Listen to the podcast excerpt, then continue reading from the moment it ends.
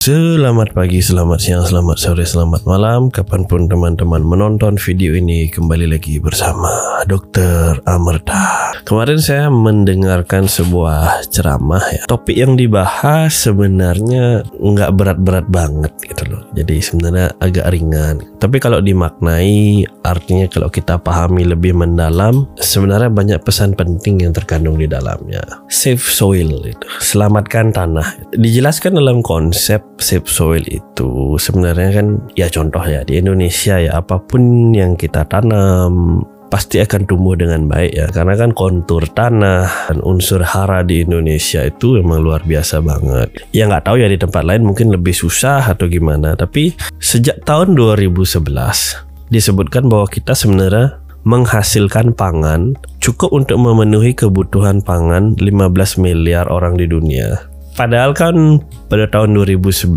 jumlah penduduk dunia mungkin sekitar 6 atau 7 miliar ya. Jadi kan seharusnya kita mengalami yang namanya surplus kan, kelebihan makanan. Tapi pada kenyataannya hampir separuh lebih dari penduduk dunia tidak mendapatkan akses untuk nutrisi yang cukup. Kenapa bisa demikian gitu? Ya kalau kita berdebat kan mungkin nggak ketemu sih ujung akhirnya di mana. Tapi kalau yang saya rangkum dari ceramah kemarin itu sebenarnya semua semua berawal dari ketidakpedulian kita. Maksudnya gimana Pak Kepala Sekolah? Jadi untuk sesuatu yang memang ada gitu loh. Jadi sesuatu yang ada terus menerus tanpa kita berusaha untuk mendapatkannya. Jadi terkesan nggak ada harganya gitu lah. Kita beri contoh saja misalnya udara kan karena oksigen disediakan gratis. Kita jadi lupa betapa pentingnya oksigen tersebut gitu loh. Iya kan? Bener kan seperti itu. Andai kata pohon menghasilkan wifi gratis misalnya. Saya yakin masyarakat kita bakal rame-rame nanam pohon gitu loh. Jadi lebih rindang lagi gitu. Tapi kan pohon itu hanya menghasilkan oksigen gitu, bukan menghasilkan wifi. Padahal kalau kita runut ya oksigen jauh lebih penting ya daripada wifi gitu. Inilah yang orang-orang nggak menyadari gitu loh. Contoh lainnya adalah air misalnya. Ya apalagi kita ya di Indonesia kan akses untuk air itu mungkin di beberapa tempat di kota besar terutama kan sudah ada sumur bor, air PDAM. Kita lupa bahwa di beberapa daerah lainnya terjadi krisis air loh. Bahkan untuk sekedar minum untuk memasak nggak ada air. Ya kadang-kadang kita kayak mandi, sikat gigi, kita biarkan airnya mengalir gitu. Itu adalah salah satu pemborosan gitu. Ya contoh pemborosan lainnya adalah waktu. pemborosan waktu loh kita kadang nggak menyadari. Karena apa? Karena kan waktu itu kita diberikan setiap hari 24 jam kan itu. Artinya diberikan e, mau dipakai mau nggak kan 24 jam pokoknya dikasih situ.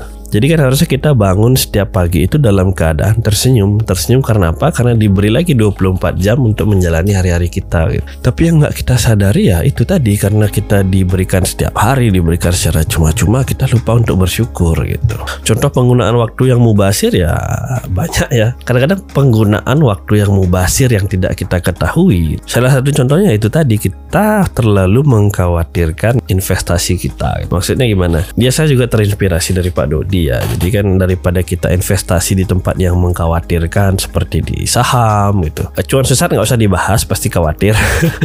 Jadi kalau kita investasi di saham tanpa kemampuan untuk apa ya menahan emosi terhadap volatilitasnya naik turun yang terlalu cepat itu menyebabkan kita rugi waktu sebenarnya. Paham nggak? Seharusnya waktu-waktu kita bisa dijalani dengan tenang, kita bisa bekerja dan melakukan hal-hal aktivitas lain yang lebih bermanfaat, malah kita habiskan untuk khawatir gitu. Ya apakah itu sepadan? Maksudnya apakah kekhawatiran kita itu sepadan dengan return yang diberikan? Gitu? Ini teman-teman harus harus apa ya? Harus melihat dengan baik dengan perspektif yang baik. Nggak semua patut dikhawatirkan. Kalau memang khawatir banget orangnya deg-degan, ya udah kita nabung aja di tempat-tempat yang aman dulu gitu kayak deposito, reksadana pasar uang. Gitu. Nggak deg-deg, nggak deg-deg, tapi ya memang kita harus mau menerima bahwa returnnya ya return standar normal gitu.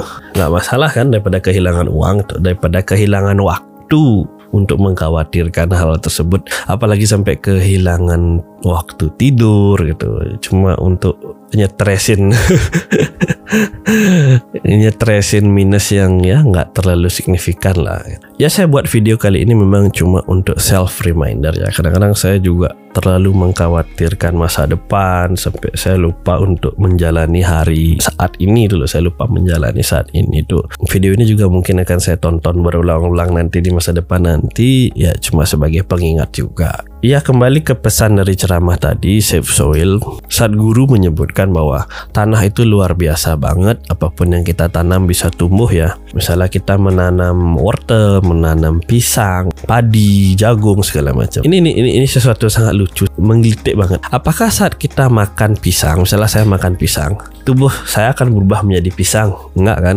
Justru pisang itulah yang akan berubah menjadi manusia Itu menjadi saya kan. Ya misalnya kalau anda Misalnya anda seorang wanita Terus anda makan makan pisang apakah Anda akan menjadi laki-laki seperti saya? Enggak pisang yang Anda makan itu kan menjadi seorang wanita gitu. Gitu juga kalau monyet ya, monyet makan pisang apakah dia akan jadi manusia? Enggak, dia akan tetap menjadi monyet. Jadi pisangnya itu berubah gitu loh. Jadi konsepnya dari tanah menjadi makanan, bahan pangan itu kita konsumsi menjadi manusia gitu. Itu sebenarnya sebuah keajaiban gitu. saya saya dengarnya juga ya juga ya. Karena kan semua yang kita konsumsi menjadi diri kita, menjadi manusia gitu. Ini sih yang kadang-kadang kita lupakan pentingnya tanah itu gitu loh. Makanya saat ini kan orang-orang melakukan global movement jadi gerakan luar biasa nih gerakan seluruh dunia global lah yang diprakarsai oleh Sadguru beliau membahas pentingnya tanah dan apa yang terjadi kerusakan tanah saat ini seperti apa dan yang paling penting adalah bagaimana solusi untuk menyelesaikannya gitu. Beliau sama sekali tidak apa ya tidak tidak membawa pesan khusus lainnya ya, tidak ada pesan keagamaan, nggak ada seperti itu ya. Ini murni memang untuk menyelamatkan dunia dari krisis global. Dan misinya juga cukup simpel ya artinya target solusi itu nggak terlalu wow banget itu. Jadi hanya bring back at least 3 to 6% organic content. Jadi hanya mengembalikan 3 sampai 6% saja bahan-bahan organik ke dalam tanah itu. Itu kan target yang sebenarnya masuk akal ya. Nggak karena apa ya? Karena itu tadi karena krisis pangan di dunia itu nggak masuk akal sebenarnya gitu. Kayak sebenarnya solusinya simple gitu. Kalau apa pun yang kita tanam dalam keadaan kontur tanah yang bagus, kan pasti tumbuh. Terus kenapa masih ada orang kelaparan? Ya inilah inilah bahan renungan untuk kita bersama ya. Mungkin kalau kita mulai dari diri kita sendiri dulu, usahakan hidup hemat, nggak usah boros. Ya boros kan seperti yang saya sebutkan tadi ya, bukan hanya boros uang, bisa juga boros waktu, boros air, boros udara kan gitu. Ya semoga video kali ini bisa membawa dampak positif buat teman-teman yang menonton. Jangan lupa like dan subscribe ya. Semoga semua sehat selalu biar kita bisa ketemu di video video berikutnya. Dadah.